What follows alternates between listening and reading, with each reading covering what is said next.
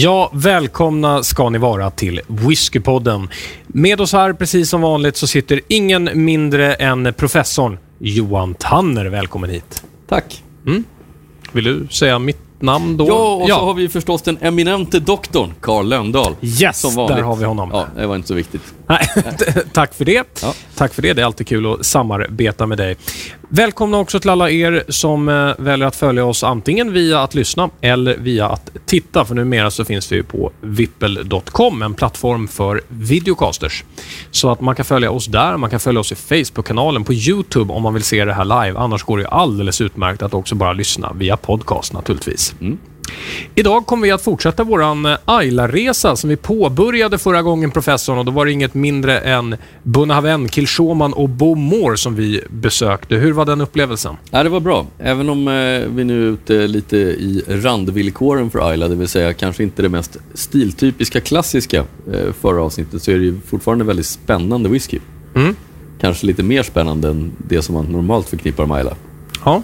Vad, vad förknippar du normalt med Ayla då? Det är det vi ska prova idag som jag förknippar med Ayla. Det är vad jag kallar för Aylas core range. Aylas Core Range, ja. Eh, För nu ska vi byta lite, ja delvis kust och eh, komma långt, långt ut till vattnet på vissa, vissa delar. Och sen ska vi ha en liten avstickare som ligger lite längre upp. Därför att idag, i det andra avsnittet, det sista avsnittet av vår Ayla-resa, då blir det Kolila, det blir Lafroig och det blir Ardbeg. Ja. Varför är inte Lagavulin med? Folk kommer ju fråga det här, så det är lika bra att jag ställer frågan på en gång. Ja, det var enkelt. Vi sa att vi, vi tar tre i varje avsnitt och det här är de tre vi tog. Eh, Lagavulin får inte vara med för att det blir lite väl Port Ellen-tungt om vi har Lagavulin också. Den är en jättebra whisky. Eh, jag uppskattar den väldigt mycket själv, men vi kan inte ha bara den eh, nedre södra kusten, syd, sydöstra kusten Eh, i avsnittet. Vi måste variera lite. Okej. Men om jag säger så här då. Det, det är svårt att prata om ett Isle-avsnitt och svårt att prata om den här delen utav, utav kusten eller den rangen vi ska prata om nu utan att prata om Lagavulins betydelse. För det kan vi ju trots allt göra även om vi inte ska pröva den. Mm. Lagavulins betydelse på den nordiska marknaden. Visst var det så att den 16-åriga till och med tog slut. Man fick ta in den 12-åriga. I Finland fick man ingen mer Lagavulin för Sverige. De skulle ha allt. Exakt. Lagavulin har ju ett lite annorlunda läge än eh, det vi kommer till lite senare, Ardbeg och Lafroig. För att Ardbeg och Lafroig har ju, och även Kolila, har ju i sin core range, deras standardwhisky är ju 10-årig. Mm. Lagavulins standardwhisky är 16-årig. Det är väsentligt mycket äldre. Och det gjorde ju att eh, Lafroig och Ardbeg och Kolila kunde på ett helt annat sätt parera den här enorma efterfrågan som kom från Skandinavien plötsligt. Mm. Plötsligt så skulle alla ha rökig whisky. Lagavulin var ju en stark kandidat eftersom det är en av de mer komplexa eh, kvalitativa rökiga Isla whiskyna. Men då får man tänka på att eh, de kunde agera sex år senare. Mm. De hade alltså en sex års eftersläpning på hur de kunde agera mot den svenska marknaden. Eh, och det är ett ganska långt eftersläp. De fick manövrera det, precis som du sa, med att eh, eh, under en tid så fick de välja land. De kunde välja att inte eh, förse en hel marknad med Lagavulin enligt efterfrågan eller stryka ett land. Och det gjorde de. De strök Finland och skeppade alla Hej då. Finland! Eh, tveksamt om Lagavulin kanske repar sig i Finland igen efter det, men eh, de var tvungna att helt enkelt, eller såg sig tvungna att offra en hel marknad i Skandinavien för att kunna upprätthålla den svenska marknaden. Mm. Jag vet inte hur det var med Norge, om de eh, hade någon efterfrågan eller om de fick någonting, men, men jag vet att man prioriterade Sverige före Finland i det här fallet. Och jag tror att Norge på den här tiden drack Ringnes. Ja, så kan det faktiskt vara. Och sen mycket riktigt så hjälpte ju inte det fullt ut heller. Man eh, fick slut på vätska och man kunde inte producera 16 i rätt utsträckning så att man gick över på Lagavulin 12 en kortare period. Eh, Den var standardreleasen ett kort tag. Man kunde inte göra 16. Hur var den då? Jag minns faktiskt knappt den. Nej. Eh, Den smakade ju Lagavulin naturligtvis. Den är ändå 12 år gammal. Det är absolut ingen dålig whisky. Men precis som sin släkting i närtid, Lagavulin 8, så är den ju lite råare, lite mindre komplex. Och Lagavulin, den är ju en veritabel smakbomb av medicinaltoner, av eh, maritima toner, av tång, av rök. Alltså, den har ju lite grann av allting från hela Ayla, eh, får man säga. Fast i ganska stora mängder. Ganska lite dock av den här smörkolan och sådana saker som du kan hitta i Bonhaven. Men, men den är väldigt rå maritim whisky.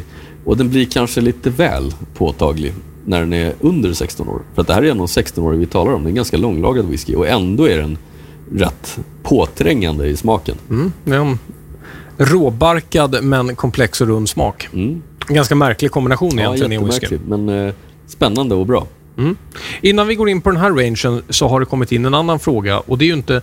Jo, det är en typ av tittarfråga. Men personen har ju naturligtvis inte, inte sett det här ännu, vad vi skulle göra idag, men fick reda på vad det var för range vi skulle använda. Då kommer frågan, ja, ja, okej, Lagavulin är inte med, men varför inte Bruce Ladi med? Ja, och det kan ju tyckas lite orättvist. Den, den kunde ju kvalat in här, kanske istället för att ha Ardbeg och Lafroig. Vad, vad menar du med istället för Ardbeg, du menar istället för Lafroig? Nej, nej, jag menar istället för Ardbeg eller Lafroig då. Det är mer logiskt att ha Ardbeg med som trots att det är godare, mer komplex, har sötman, tänker jag. Destilleriet som startade för 10 år sedan. 20, ja, Äh, någonting. fortsätt med, din- med din utläggning om Mm. Bruce Ladi. Ja. Eh, Bruichladi har ju definitivt en plats på Ayla, men, men eh, stiltypiskt, nej. Bruichladi är inte en stil som representerar Ayla. Eh, de eh, har ju försökt att kopiera sina rökiga grannar nu eftersom efterfrågan kräver det med Octomore och Port Charlotte. Mm. Eh, men det är inte deras stil. Det är en, det, det, för mig är det en mer kopierad stil. Och Bruichladi, I'm sorry to say, hör inte hemma på Ayla smakmässigt. Även om det är en del av Ayla naturligtvis. Och de har jättemycket bra whisky. Men det, det, det här är inte en representant för Ayla på samma sätt. Det här kommer alltså betyda att vi kommer få en uh, tittarstorm och en... eh, jag antar att eh, drevet som kommer gå mot oss nu när vi har sagt det här om Bruce kommer leda till att det här är professorns sista avsnitt. Ja, Och nästa kommer vi ha en helt likgiltig person som inte har någon åsikt om någonting istället. ja. Alternativt att vi gör Bruichladi-avsnittet. ja, exakt. Mm. Nu kommer vi göra så här professorn att nu ber jag dig hälla upp en Kolila medan vi pratar lite om den. För någonstans måste vi ju starta och vi har ju hävdat i tidigare program att Kolila är det är som en egen gruppering av drickare. De går inte riktigt att gruppera med de andra. Var, varför säger vi så? Ja, det gör vi därför att eh, Kolila har ju... och du, Du, det var inga dåliga glas du häller upp. Nej, det- Mitt dryckesglas står där annars om du vill hälla upp ordentligt. Där. Jag tar lite grann till mig bara. Mm. Eh, du är väl kanske en sån här cool drickare Eh, Ja, tack för det. Cool Isla-drickare. Eh, nej men det säger vi därför att eh, Cool Isla, om man, eh, om man eh, tar den och jämför med resten av Isla, den stämmer inte riktigt i smaken. Alltså den är inte riktigt i samma riktning. Vadå för att den är för Den är kort, mindre för rökig. saltig? Den är mindre rökig, den är fortfarande väldigt maritim, men den har medicinaltoner som är väldigt påträngande. Mm. Och när man säger medicinaltoner då syftar man oftast på en specifik kemikalie och för er som vill läsa mer om det kan ni läsa mitt inlägg på Whisky ABC som kommer så småningom om whiskyns kemi. Eh, Och eh, för oss som har hört om professorn, han har skrivit det här nu i ett halvår, tror ju förmodligen att det här aldrig kommer komma. Och ska jag vara helt ärlig så låter det ju ganska långrandigt och tråkigt om ni frågar mig. Där kan vi i alla fall läsa om eh, den här kemiska eh, substansen som man tidigare använde just i plåster. Och det är därav man kallar det medicinaltoner. Därför att eh, det här är en doft och en smak man förknippar med eh, den här kemikalien som man då hade i, inom sjukvården förut.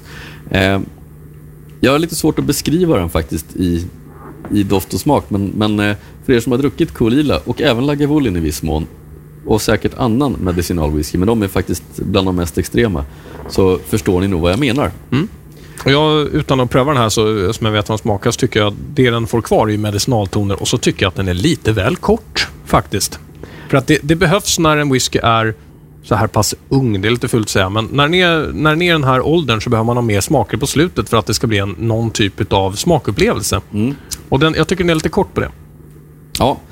Eh, det här har ju aldrig varit en av mina favoriter på Isla. Även om jag kan absolut uppskatta ett, ett glas eh, Kaula Isla. Men eh, Du, du byter namn varje gång nu. När du säger, är det Kolila, Kolaila? Vad, vad är det egentligen? ja, det är egentligen... så, så, jag har efterforskat det. Det här kan ju tyckas lite fånigt, men, men Cool Isla är nog det närmaste korrekta uttalet. Vänta, menar du att jag hade rätt? Ja, det är jag som har lärt dig det här. Eh, Men vi kan säga lite Kaul Ila, Kaul Isla, Ja, du, när, man, när man smakar den så här innan man har då prövat eh, Lafroy Gardberg för min del. Det är väldigt trevlig dram. ja. Det här är inget fel på. Det är trevligt och bra. Det, det den kommer få svårt med är ju framförallt när man har hällt upp så mycket som någon gjorde i mitt glas. Mm. Så kommer den ju bli nästan så som en bunna eller någon som har mycket, mycket trä i sig på, på slutet. Alltså, motsvarigheten till den typen av svavel kan nästan ligga i den här när man har druckit flera centiliter av den. Vet jag av erfarenhet. Och då är det alltså medicinaltonerna som ligger kvar som blir salta på slutet. Mm, den är, de, de är ganska påträngande och de är ganska tjatiga i längden om man ska vara ärlig. Och jag framförallt reagerar på, eh, sorry till er som älskar den här whiskyn, den känns ganska ung och ganska platt för sin ålder.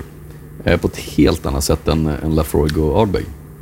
Ska du då få en intressant fråga av mig gällande Kolila, Kolaila, ja, vad det nu, hur det nu uttalas. Eh, hur många liter gör man per år?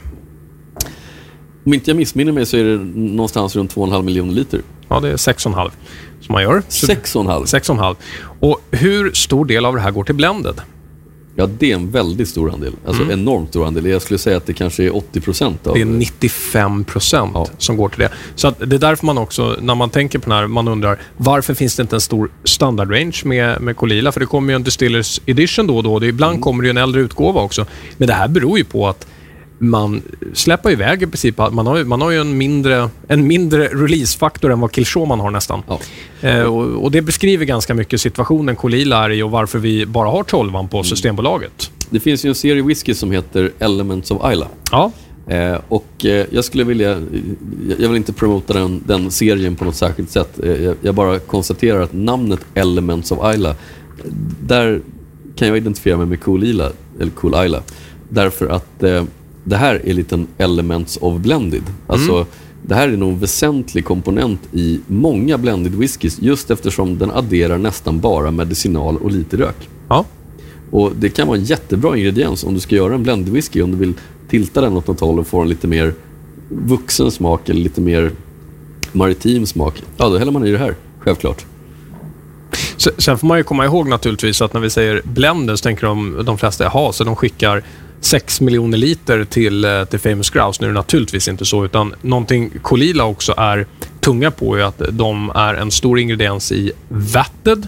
Mm. Det vill säga där man blandar olika eh, single malts för att göra en blend utav det som inte har någon grain whisky i sig överhuvudtaget. Och det ryktas ju också om att Kolila driver massa källardestillerier också runt om på Isla. Ja, så det gör det. Det var mer än vad jag visste. Nej, men det ryktas ju konstant om... Till att börja med vet vi att det är en jätteviktig komponent i Big Pete.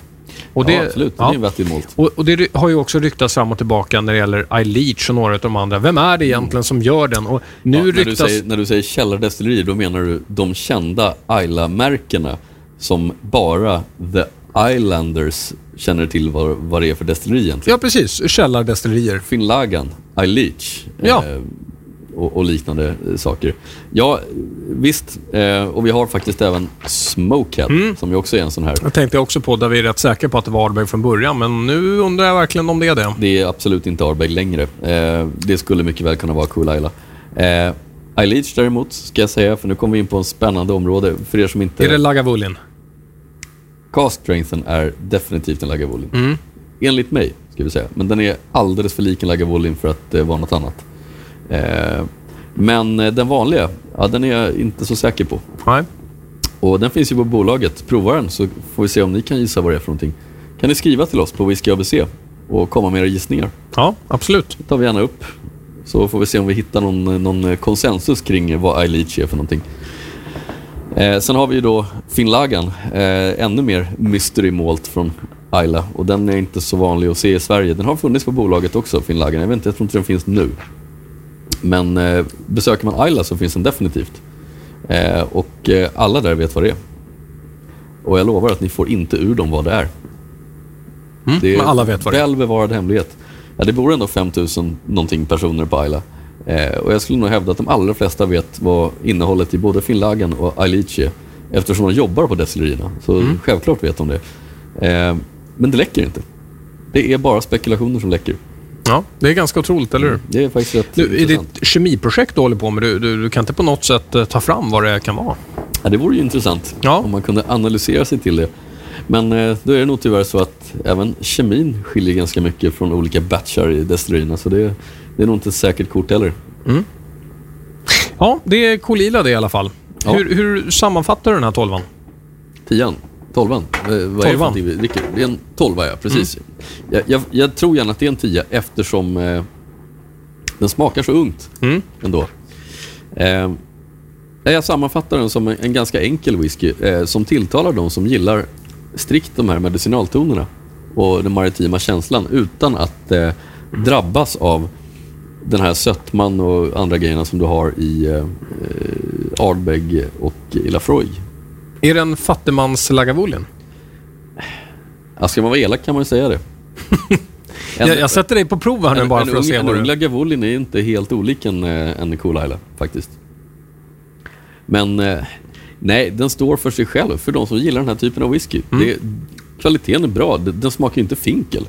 Eller den, sma, den har inga off notes. Den ska smaka så här. Nu, du, du känner du är på väg ner i en spiral här nu? Ja, det, det går ut för nu. Jag, jag känner det. Ja. Mm. Ja, jag tycker i alla fall att den eh, var trevlig, men vi kommer lämna eh, Kolila nu för, eh, för sekunden. Vi kanske kommer tillbaka dit, vi får se. Nu ska vi färdas neråt, en bra bit neråt på Ayla. Och var landar vi då? Är det något grönt kanske? För det är svårt att läsa från flaskan med tanke på att den är ju en liten... Den, ser ju nästan ut att eh, komma från samma butik där Kolilan har sin grund. Det vill säga någon typ av medicinbutik, något apotek. Ja. Nu är vi inne på ganska djupt vatten här överhuvudtaget. För ska man ta ordningen på de här två så är det inte helt lätt. För Jo, jo, det är självklart att den här kommer innan Ardbeg. Ja, det säger du ja. Eh, Mm. De flesta smakkartor håller inte med dig om det. Jag håller inte med smakkartorna ska vi säga också. Så det, Ja, en bra... men, men oavsett vilken man väljer så kommer den ena eh, slå ut rätt mycket av smakämnena Mm. i den andra. Det kommer vi inte ifrån. Så kommer det naturligtvis vara. Det är, det är såklart Lafroig och Ardbeg vi talar om. Ja, men låt oss och börja ja, med- vissa smakkartor lägger Lafroigen eh, som betydligt mycket mer komplex än Ardbegen. Det har du alldeles, alldeles riktigt i. Men jag tycker att den stora skillnaden är ju det att eftersom en hel del av smaken sitter i sötman så tycker jag att Ardbegen fungerar även efter en Lafroig. Mm. Eh, men, men det återstår att se. Det är en Lafroig 10 i alla fall va? Det är en helt vanlig Lafroig 10 Mm. ur deras core range. Eh, den eh, whiskyn som faktiskt var det som fick mig att börja dricka single malt Ja. en gång i tiden. Spännande. Eh, det är inte ofta jag dricker en 10-årig Lafroig. Jag har alltså inte ens en hemma. Det är nästan skandalöst. Ja, det är faktiskt skandalöst. Mm. Eh, jag hoppas du har Ardbeg 10 hemma som är ju din go-to whisky. Med tanke på att jag tog med den hit så får vi ju anta att det är så. Ja, men jag hoppas du har fler. Nej, det är nog den jag har. Nej, men jag dricker ganska lite av de här standardutgåvorna, men, men det är ju inte heller helt ovanligt att det blir så. Utan när det gäller Ardbeg, då är det ju Uigedal och Korivräckan. När det är Lafroig, då är det ju tveklöst så att jag vill ha cast strength alla dagar i veckan som det går. Och det är så tråkigt att inte Lafroig har det som en standardutgåva. De förstår inte vad de går miste om. De, de skulle kunna ta hela Ayla-försäljningen bort från de andra om de bara hade den. Ja, I vissa delar av södra Stockholm. ja, i Årsta. Ja, I Årsta. Ja, precis. den skulle de kunna ta Man vad de vill. bli marknadsledande i Årsta. Mm. Ja, det, är, det är en merit förstås. Ja, nu är det ju Lafroig i alla fall. Ja, det, det är helt korrekt. Det är rök, det är vax och det är sån här otroligt trevlig havssalt. Tyvärr så har jag PX-toner från eh, Ja, det det har, här glaset. det, det, har, det har faktiskt jag med. Eh, Det är därifrån vaxet kommer tror jag. nu ska jag vara faktiskt helt ärlig och säga så här. Jag hällde faktiskt upp den här sampleflaskan från en karaff. Eh, och jag börjar undra om jag har råkat i den karaffen ha Lafroig Select. Ja, Och därav PX-toner. så kan det vara.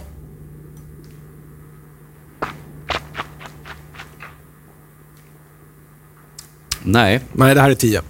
det här är tian. Det är Mm. det faktiskt. Det är, det är den här Cool Island som ställer till det för en. Mhm. Man vet inte riktigt vad man dricker. Men, eh, men eh, Lafroig 10, ja. Eh, Det är framför allt brinnande vikingaskepp jag tänker på här. Jo, men, men så är det. Och Lafroig för mig, när man verkligen lyckas, det är de som för mig är den riktiga Fisherman's Whisky.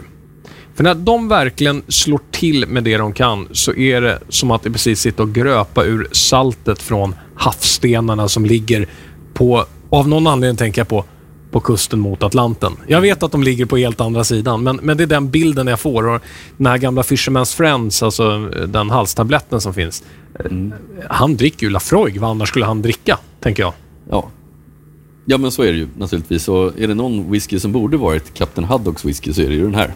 Eh, ja, och han valde Loch Lomond, var det så? Fast det var något annat från början, va? Nej, det är faktiskt, det är faktiskt så här roligt att Loch Lomond är alltså startat efter Tintin skapade Loch Lomond destilleriet. De eh, hade med Loch Lomond destilleriet i serien eftersom det inte fanns. Och sen startade man Loch Lomond. Mm. Osagt om det har att göra med Tintin eh, eller inte, men, men eh, det är klart att det är rätt praktiskt att lansera en whisky med ett destilleri som ligger vid Loch Lomond med namnet som är känt från Tintin. Nu, nu, nu är ju helt off-program här, men Mm. alltså, Lo- eh, Loch, eh, alltså är det där Loch Ness, är det där Nessie bor? Nej, det är Loch Ness skulle jag faktiskt påstå, inte Loch Lomond. Okej. Eh, Loch Lomond eh, ligger, om man åker från Glasgow eh, till eh, Isla, så kommer man passera Loch Lomond. Det ligger norr om Glasgow. Vem bor där då? Lemmy? Ja, kanske det. Han är död va förresten? Ja, nu, nu är vi helt... Nåväl. Och nu menar jag inte djuret utan artisten. Ja, hur som helst, väl tillbaka till eh, Lafroig. Eh, grundat 1810, 15, 10, Jag sa jag 10 för? Jag, jag, det, jag 15 är det väl? 15 ja. Mm. Ett utav de riktigt, riktigt klassiska. Och finns det någon bar man går in i där det inte finns en Lafroig så kan man ju börja med att säga då är det ingen idé att gå dit. Men nummer två är att den finns ju i princip på varje plats. Utöver Six Classic Malts, som är ett lanserat brand, så finns det i princip alltid en Lafroig bredvid. Ja, och jag skulle nog säga att eh, Lafroig har nog dessutom klivit om eh, Six Classic Malts i sin utbredning, i alla fall i Sverige. Ja, jag ser oftare Lafroigen än jag ser en Lagavulin. Men det kan bero på att du går ju bara till Bagpipers in. Ja, men de har ju båda. De har båda. De har gömt undan den ena lite så att du inte riktigt ser den. Nej, men Lafroig eh, eh, är ju... Jag tror att det är för många den whiskyn som blev, oj, kan whisky smaka så här? Eh, när man började upptäcka singelmalt. Jag tror att det är, det är det som är inkörsporten för många till, till singelmalt whisky helt enkelt. Det kan vara Ardbeg för vissa, men för de som började dricka singelmalt på 90-talet så kan det inte gärna vara Ardbeg. För det fanns inga standardreleaser av Ardbeg på 90-talet. Nej. Utan då måste det vara Lafroig. Tänker du på någonting ganska roligt? Det är att man tänker väldigt sällan på att det finns en sötma i Lafroig. Man brukar säga att den stora skillnaden mellan just Lafroig och Ardbeg är ju den här tunga sötman som finns i Ardbeg. Men nu när man jämför Lafroig med Kolilan så slår det ju en direkt att det finns en väldigt, väldigt tydlig sötma. Det är klart det gör det. Eh, det var faktiskt du som för första gången gjorde mig uppmärksam på dem. För jag hade inte tänkt på sötman i det. Men det, visst, det finns en jättetrevlig träsötma i Mm. en, en slags eksötma. Ungefär som om man, kunde, Eksirapssötma. ja, Ja. om man kunde få ut socker ur trä. Ja, nu sa ju du faktiskt lönnsirap till exempel. Det Mm. kan man ju faktiskt få ur, få ur eh, socker ur. Men, men eh, ja, den är lite ekig sockerton i den. Ganska försiktig. Det är ju trots allt de maritima tonerna som är eh, tunga i Lafroig. Ja. Nu måste vi faktiskt prata lite om Lafroigs nasar. Alltså non-age statement för någon som inte vet det. Det betyder alltså att man inte anger åldern. Det är naturligtvis en eh, whisky, det vill säga att den är lagrad över tre år. Mm. Men du har varit väldigt skeptisk till de utgåvorna. Du och jag är bägge ett fan utav Cast Strength, som vi absolut inte kan kalla för en NAS, för den vet vi är 10 år. Men när vi börjar prata om de andra, QA, QX och, och så vidare och så vidare. Nu har jag exempelvis fått höra här att nya Four Oak, eh, eller Fourth, ja vad det nu heter. Eh, den påstås ju på nätet påminna väldigt mycket om en Ardbeg av någon, eh, av någon outgrundlig anledning. Men det finns ju också Threewood, som jag vet att du inte heller... Triplewood, ja. Triplewood, förlåt, som du inte heller är ett fan av. Vad, alla de här NAS-utgåvorna från Lafroig, där har man ju inte lyckats på det sättet som Ardbeg har. Nej, eh, och jag tycker ju dock att en av eh, de nasorna som är bäst är den du tycker sämst om. Det är Lafroig Select. För den nordiska marknaden. Men det, det beror ju på att du är så fruktansvärt snål och aldrig vill betala någonting för en kvalitativ Ja, eller så är det för att den faktiskt har en väldigt försiktig sherryton som kompletterar smaken väldigt väl utan att ta bort från smaken. Ja, men man, man kan ju inte säga bara för att man slängde i ett hallon så blev det sherry. Ja, det kan man väl göra. Det är bättre. Det är, det är en bra whisky. Dricker du din öl blandat med hallonsaft också när du är i Polen? Brukar man göra det i Polen? Ja, det är vanligt där. Ja, det ska jag absolut ta upp. Jag, när jag är i mitt eh, andra hemland Schweiz så brukar jag ju inte helt sällan dricka öl med eh, citronläsk. Mm. Om du inte ändrar dig snart så kan det bli ditt enda hemland. Mm. Men okej, fair enough. Lafroig Select har ju ett extrem, eller har en extremt bra prisprestanda. Det är det ingen tvekan om. Nej, eftersom den är billigare än Lafroig 10. Och Mm. i grunden så skulle jag säga att det är en Lafroig 10 eh, som har en, eh, en viss komponent av sherrylagrad Lafroig. Eh, väldigt försiktig dock, den är faktiskt knappt märkbar. Eh, men tittar man på de andra nasarna som är i den övre prisrangen. Vi kan börja faktiskt med, vi behöver inte ens titta på nasarna, vi kan titta på Lafroig 15 som Mm. ju fick en liten revival eh, nyligen i 200-årsjubileet. Yes. Eh, den var ju en standardutgåva tidigare, som fanns hela tiden. Där börjar Lafroig tappa lite grann i sin karaktär och får en annan karaktär som faktiskt går mer åt Lagavulin-hållet. Eh, där den är lite mer medicinal och lite mer tångmaritim, om man ska säga så. och Lite mindre kärmaritim. Och jag tycker att den core expression man har i Lafroig 10, nästan vad man än gör, så urlakas den och får en, eh, en sämre eh, karaktär. Mm. Undantaget är vissa single cask som vi har provat där även 17 och 18-åringar har varit fantastiska. De har varit eh, riktigt aggressiva, käriga och rökiga fast de är äldre. Jag håller med om den 17-åriga som vi har från uh, Signatory. Signatoria. Mm. eh, är ju helt fantastisk. Den måste du och jag för övrigt göra en bottle kill på vid tillfälle. Mm. För så mycket prövade vi av den. Mm. Eh, Men, men, men det här stämmer och jag måste också säga när det kommer till hela NAS-rangen som Lafroig har. Till att börja med så slås man ju av att vilken mässa man än åker på så är det ju banne mig samma Lafroig varenda gång som det är. Det är ju aldrig med någonting roligt. Och när det Nej. väl är med någonting roligt eh, så är det en NAS-utgåva som inte alltid riktigt håller klassen. Nu eh, håller jag ju Lafroig Broder som man ser här i bakgrunden. Eller kanske man inte gör nu när du ändrade om lite kamerabilden här. Nej, den syns faktiskt inte. Man ser bara en kaktus. Till vänster om den i alla fall, där står en Lafroig Broder. Den tycker jag är bra, men den är ju inte heller värd sitt pris. Jag fick den på för ett väldigt bra pris. Jag tror den ligger i vanliga fall på 1 och 1, 1 och 2. Den håller inte heller klassen för det priset. Eh, QA, PX och alla de här. Tian är bättre framförallt Cost Strength är bäst. Ja, därför att man, går, man har väldigt mycket gått på eh, trätoner. Med QAn som är Quercus alba eh, så har man ju gått på eh, färsk ek, färska ekfat, inte bourbon.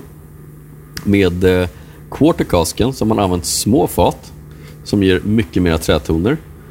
Nu kommer den här, vad heter den för någonting? Den här Four, forwood, four oak. eller någonting. Forwood heter den ja. Forwood. Ja.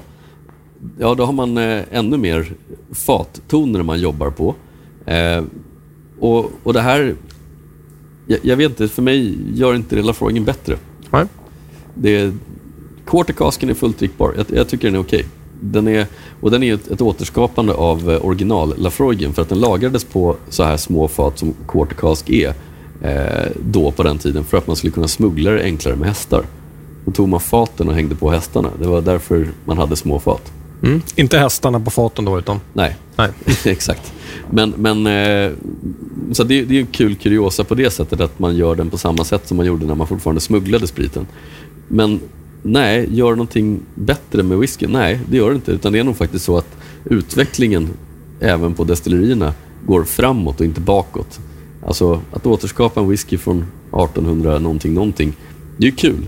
Men blir den bättre? Tveksamt. Man försöker inte göra whiskyn sämre med åren. Okej, men är Lafroig på väg ner i det här Bowmore-träsket vi har pratat om tidigare? Är det det du säger? Nej, det är de inte därför att de släpper inte några eh, billiga travel retail-nasar eh, som ska utge sig för att vara Lafroig men inte alls är det. Det närmaste man kommer är väl Selecter men den tycker jag är bra.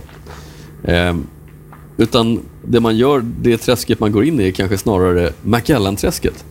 Där man släpper överprisade nasar som inte är lika bra som originalet. Mm. Skulle jag säga. All right. Men det är inte så farligt träsk att gå in i för att det finns ju alltid Lafroig 10. ja. Fair point. Very fair point. Jag ser återigen här som vanligt att tiden den bara rullar och du ska ju få en utmaning på sista whiskyn så jag föreslår att vi tar fram den nu. Och då är det Vår gamla vän Ardbeg. Vår gamla vän, ja. Min inkörswhisky. Precis. Mm.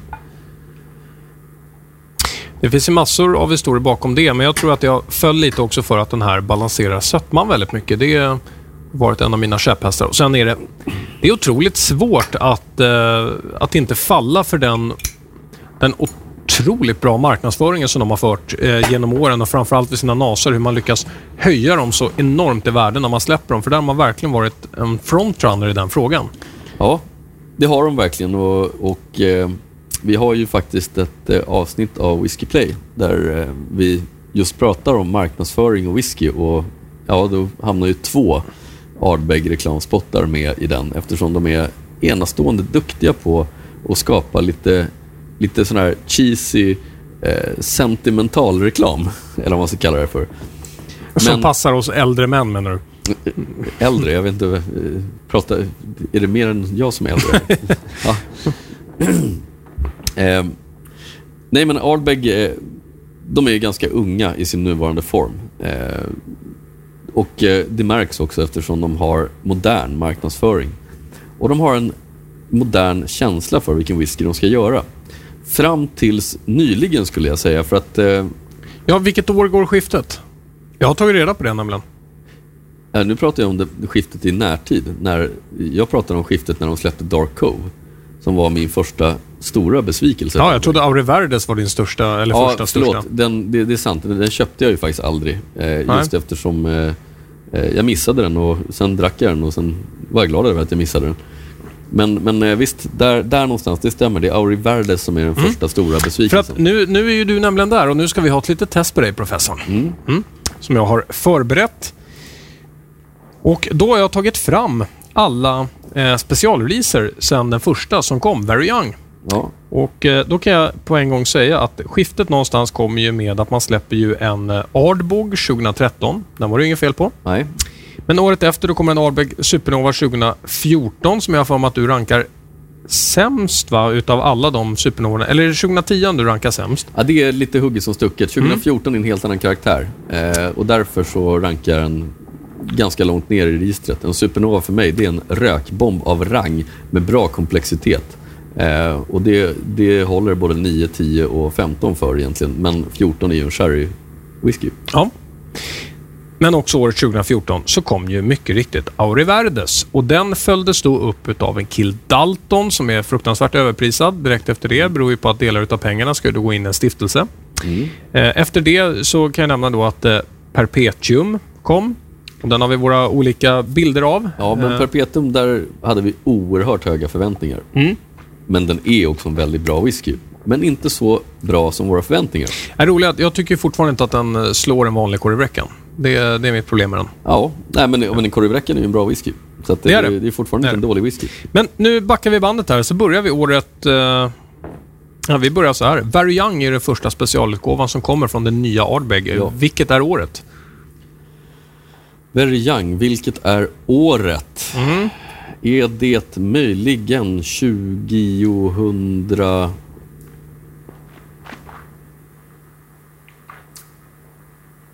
Nu måste jag tänka efter här. Eh, är det 2003? Ja, jag är nära en på. Det är 2004. Mm. Kommer då den utgåvan. Mm. Den är följd av två stycken som jag inte riktigt vet om du vet vilka det är. Det är i alla fall aldrig några du har nämnt. Så därför säger jag bara vilka det är. Ja. Den ena heter Serendipity. Ja, den har jag hört talas om. Mm. aldrig druckit eller sett. Och sen släppte man den här specialutgåvan som hette 1965. Den hette 1965. Den Ja, den heter. Ardbeg 1965. För att det är riktigt gamla prylar som ligger i den. Ja, det är en Ardbeg 1965. Ja, det är en Ardbeg 1965. Ja, ja, ja. Mm. Sen efter det här så börjar ju den här lilla gyllene perioden då utav specialrelease efter specialrelease. Och då börjar vi här med att fråga, vilken var specialreleasen året 2006? Specialreleasen 2006. Kan Mm. det vara Arinan Bajst? Ja, tänk för att det är det. Ja. Ja, mycket bra jobbat. Mm. 2007. 2007, efter Arinan Bajst. Eh, det borde vara för tidigt för Korivräcken kan jag tycka. Eh, nej, jag, nej, jag är osäker på den. Mm. Om jag säger att du till din förbittelse har sagt varför köpte jag inte fler av den här som nu kostar hur mycket som Lord helst? of the Isles. Lord of the Isles. Ja, precis. Året efter det, då släpps inte mindre än tre stycken. Vilka kan det ha varit? Tre stycken, ja. Mm. Då borde det vara dags för korvräcken kan jag tycka. Ja, det var den första som kom året 2008. Det var en Korivrechen. Mm. Eh, och samtidigt som korvräcken, vad kom då? Det var inte odlingen vi pratar om här. Eh, nej, den, den finns faktiskt inte ens nämnd här, för jag tror att den kom i så små utgåvor att man knappt ens talar om den. För, för det här är världsreleaser som är special releaser, Okej. så jag tror inte att den eh, ens kvalar in där. Nej, det var en committee release. Mm. Eh, korvräcken, ja, men inte är den samtidigt som Alligator? Nej, Nej, det är den inte. den är senare Alligator. Ja, vi ska inte fastna där. Jag säger vilka de andra är. Den andra är Renaissance, som du också har hemma. Ja, ja, ja, naturligtvis. Ja. Och den andra är ju den som du avskyr kanske mest av alla. Väldigt ljus i tonen. Kan du gissa vad det är? Blasta. Blasta, ja. Mm. Det går ändå rätt bra det här tycker jag. Eh, för att 2009 behöver jag ens fråga vilken det var som kom då. Är det Alligator? Nej, nu får du ju tänka nej, till. nej, ja, Supernova såklart. ja, Ja, ja. eh, förlåt. Ja. Och eh, 2010, då vet vi redan att Supernova 2010 kom, så den behöver vi inte nämna. Eh, vilken var den andra specialreleasen som kom då? Är det Alligator nu i alla fall? Mm, nej. Nej, Nej. inte ens det. nej. Nej, då är det Rollercoaster. Ja, Rollercoaster. 2011 då? Nu är det Alligator. Ja, nu är det Alligator. Mm. Eh, 2012 så prövade man för första gången eh, den här Ardbeg Day, som har kommit i flera utgåvor också. Eh, men samtidigt samma år så kommer en av mina favoriter, eh, som du och jag råkade hitta på en liten bar på Fridhemsplan till ett väldigt underprisat värde bara för ett år sedan. Galileo. Galileo, ja. Alldeles riktigt. 2013, en utgåva som fortfarande finns i Danmark att köpa om man, eh, om man har rätt pengar och som fanns på mässan när jag var där nere för ett och ett halvt år sedan.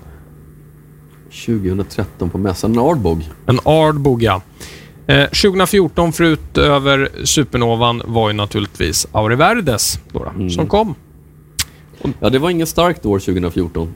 Nej, det, det var det nog inte. Det var det nog inte. Hur, hur smakar den här då? Den smakar som en Ardbeg brukar smaka. Mm. Eh, komplex med ljungtoner, säger jag, som eh, faktiskt saknas i all annan Isla whisky. Mm. Eh, naturligtvis den karaktäristiska Ardbeg-rökigheten. En råhet som också i viss mån för tankarna till brända vikingaskepp. Men eh, inte lika utpräglad som i Lafrogen. Nej. Vad, Ardbeg då? Var är man på väg? Ja, jag hoppas ju så innerligt att de är på väg i samma riktning som de har varit med alla de här tidiga nasarna med de tidiga age statement-releasen också. För jag kallar faktiskt Still Young och Very Young och de här för age statement-releaser. Alla vet hur gamla de är. Jag, jag hoppade ju faktiskt om här i listan bara för att... Precis. Men, men eh, och de har gjort mycket, mycket, mycket bra NAS-releaser. Kanske bland de bästa på hela Isla. Eh, på senare tid har det varit lite mer varierande. Mm. Jag vet ju att Ardbeg 21 kom ju förra året. Ja. Den har vi inte provat faktiskt. Eller jag har i alla fall inte provat den. Eh, den är säkert enastående, men eh, jag vill inte att en enastående Ardbeg ska kosta flera tusen. Nej. Jag vill att en enastående Ardbeg ska kunna köpa för runt en tusenlapp som mest. Det är någonstans där de ska ligga. Helst som korvräcken på kanske 600-700 eller vad Mm. ligger på. Kanske ligger på 800 till och med nu. Ja, den ligger nog där. Beställningssortiment 799 eller något sånt Ja. tror jag. Men, men där någonstans för en bra Ardbeg, eh, NAS eller Ardbeg-release. Och nu ska man ha klart för sig att vi har ju fortfarande Mickey Heads ord på att eh, de här NAS-releaserna från Ardbeg, ingen av dem är yngre än 10 år.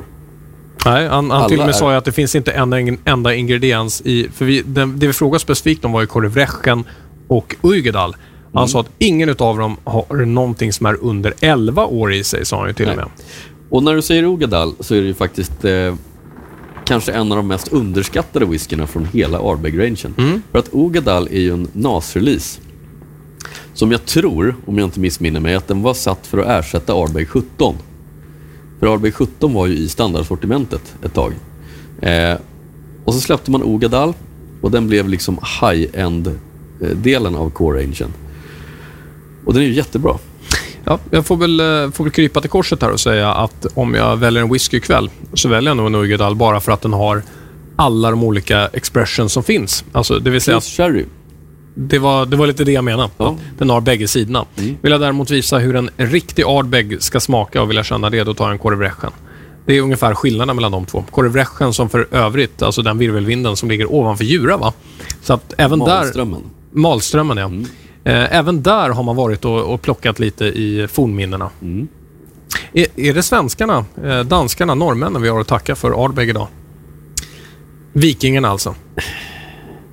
Ja, det är det väl säkert på något märkligt sätt så är det väl det. Ehm, Men eh, det är inte lika tydligt som i eh, fallet med Highland Park där det faktiskt var en eh, skandinavisk ättling som startade destilleriet. Magnus Eusson hette han. Ja. Ja. Eh, Jag vet faktiskt inte vem som grundade Ardbeg. Är det en skandinav? Vet du det? Det tror jag inte i alla fall. Nej, för det känns som att man borde ha vetat om det var det. Men eh, det, det tror jag faktiskt inte att det var. Nej, men naturligtvis eh, allting som man hittar i den här delen av världen är ju influ- influerat av Skandinavien på ett Ja. eller annat sätt och vikingarna. Därför att eh, de var ju där och plundrade. Kanske inte just specifikt på Ayla, men de var ju sjöburna så varför inte? Med det här sagt kommer vi nu att avrunda de två Ayla-programmen som vi har haft. Har det, va- har det varit kul? Jag, må, jag måste faktiskt säga att av upplevelserna av det som vi har kört i alla poddar och fram och tillbaka har det här faktiskt varit riktigt kul för nu är vi verkligen på hemmaplan. Nu är vi på hemmaplan och kan verkligen tycka saker. Kan verkligen tycka saker, vi har bra kunskaper om de här olika destillerierna. Vi behöver inte läsa på så himla mycket. Och vi kan ju alla ganska utan och innan. Det är Ja. rätt kul. Ja, det här är våran core range. Mm. Men med det sagt så, ja, tack för idag. Ja, tack för idag. Vi tackar våra tittare. Vi tatta- tackar eh, alla våra lyssnare som har följt med oss under programmet. Och med det säger vi skål. Skål!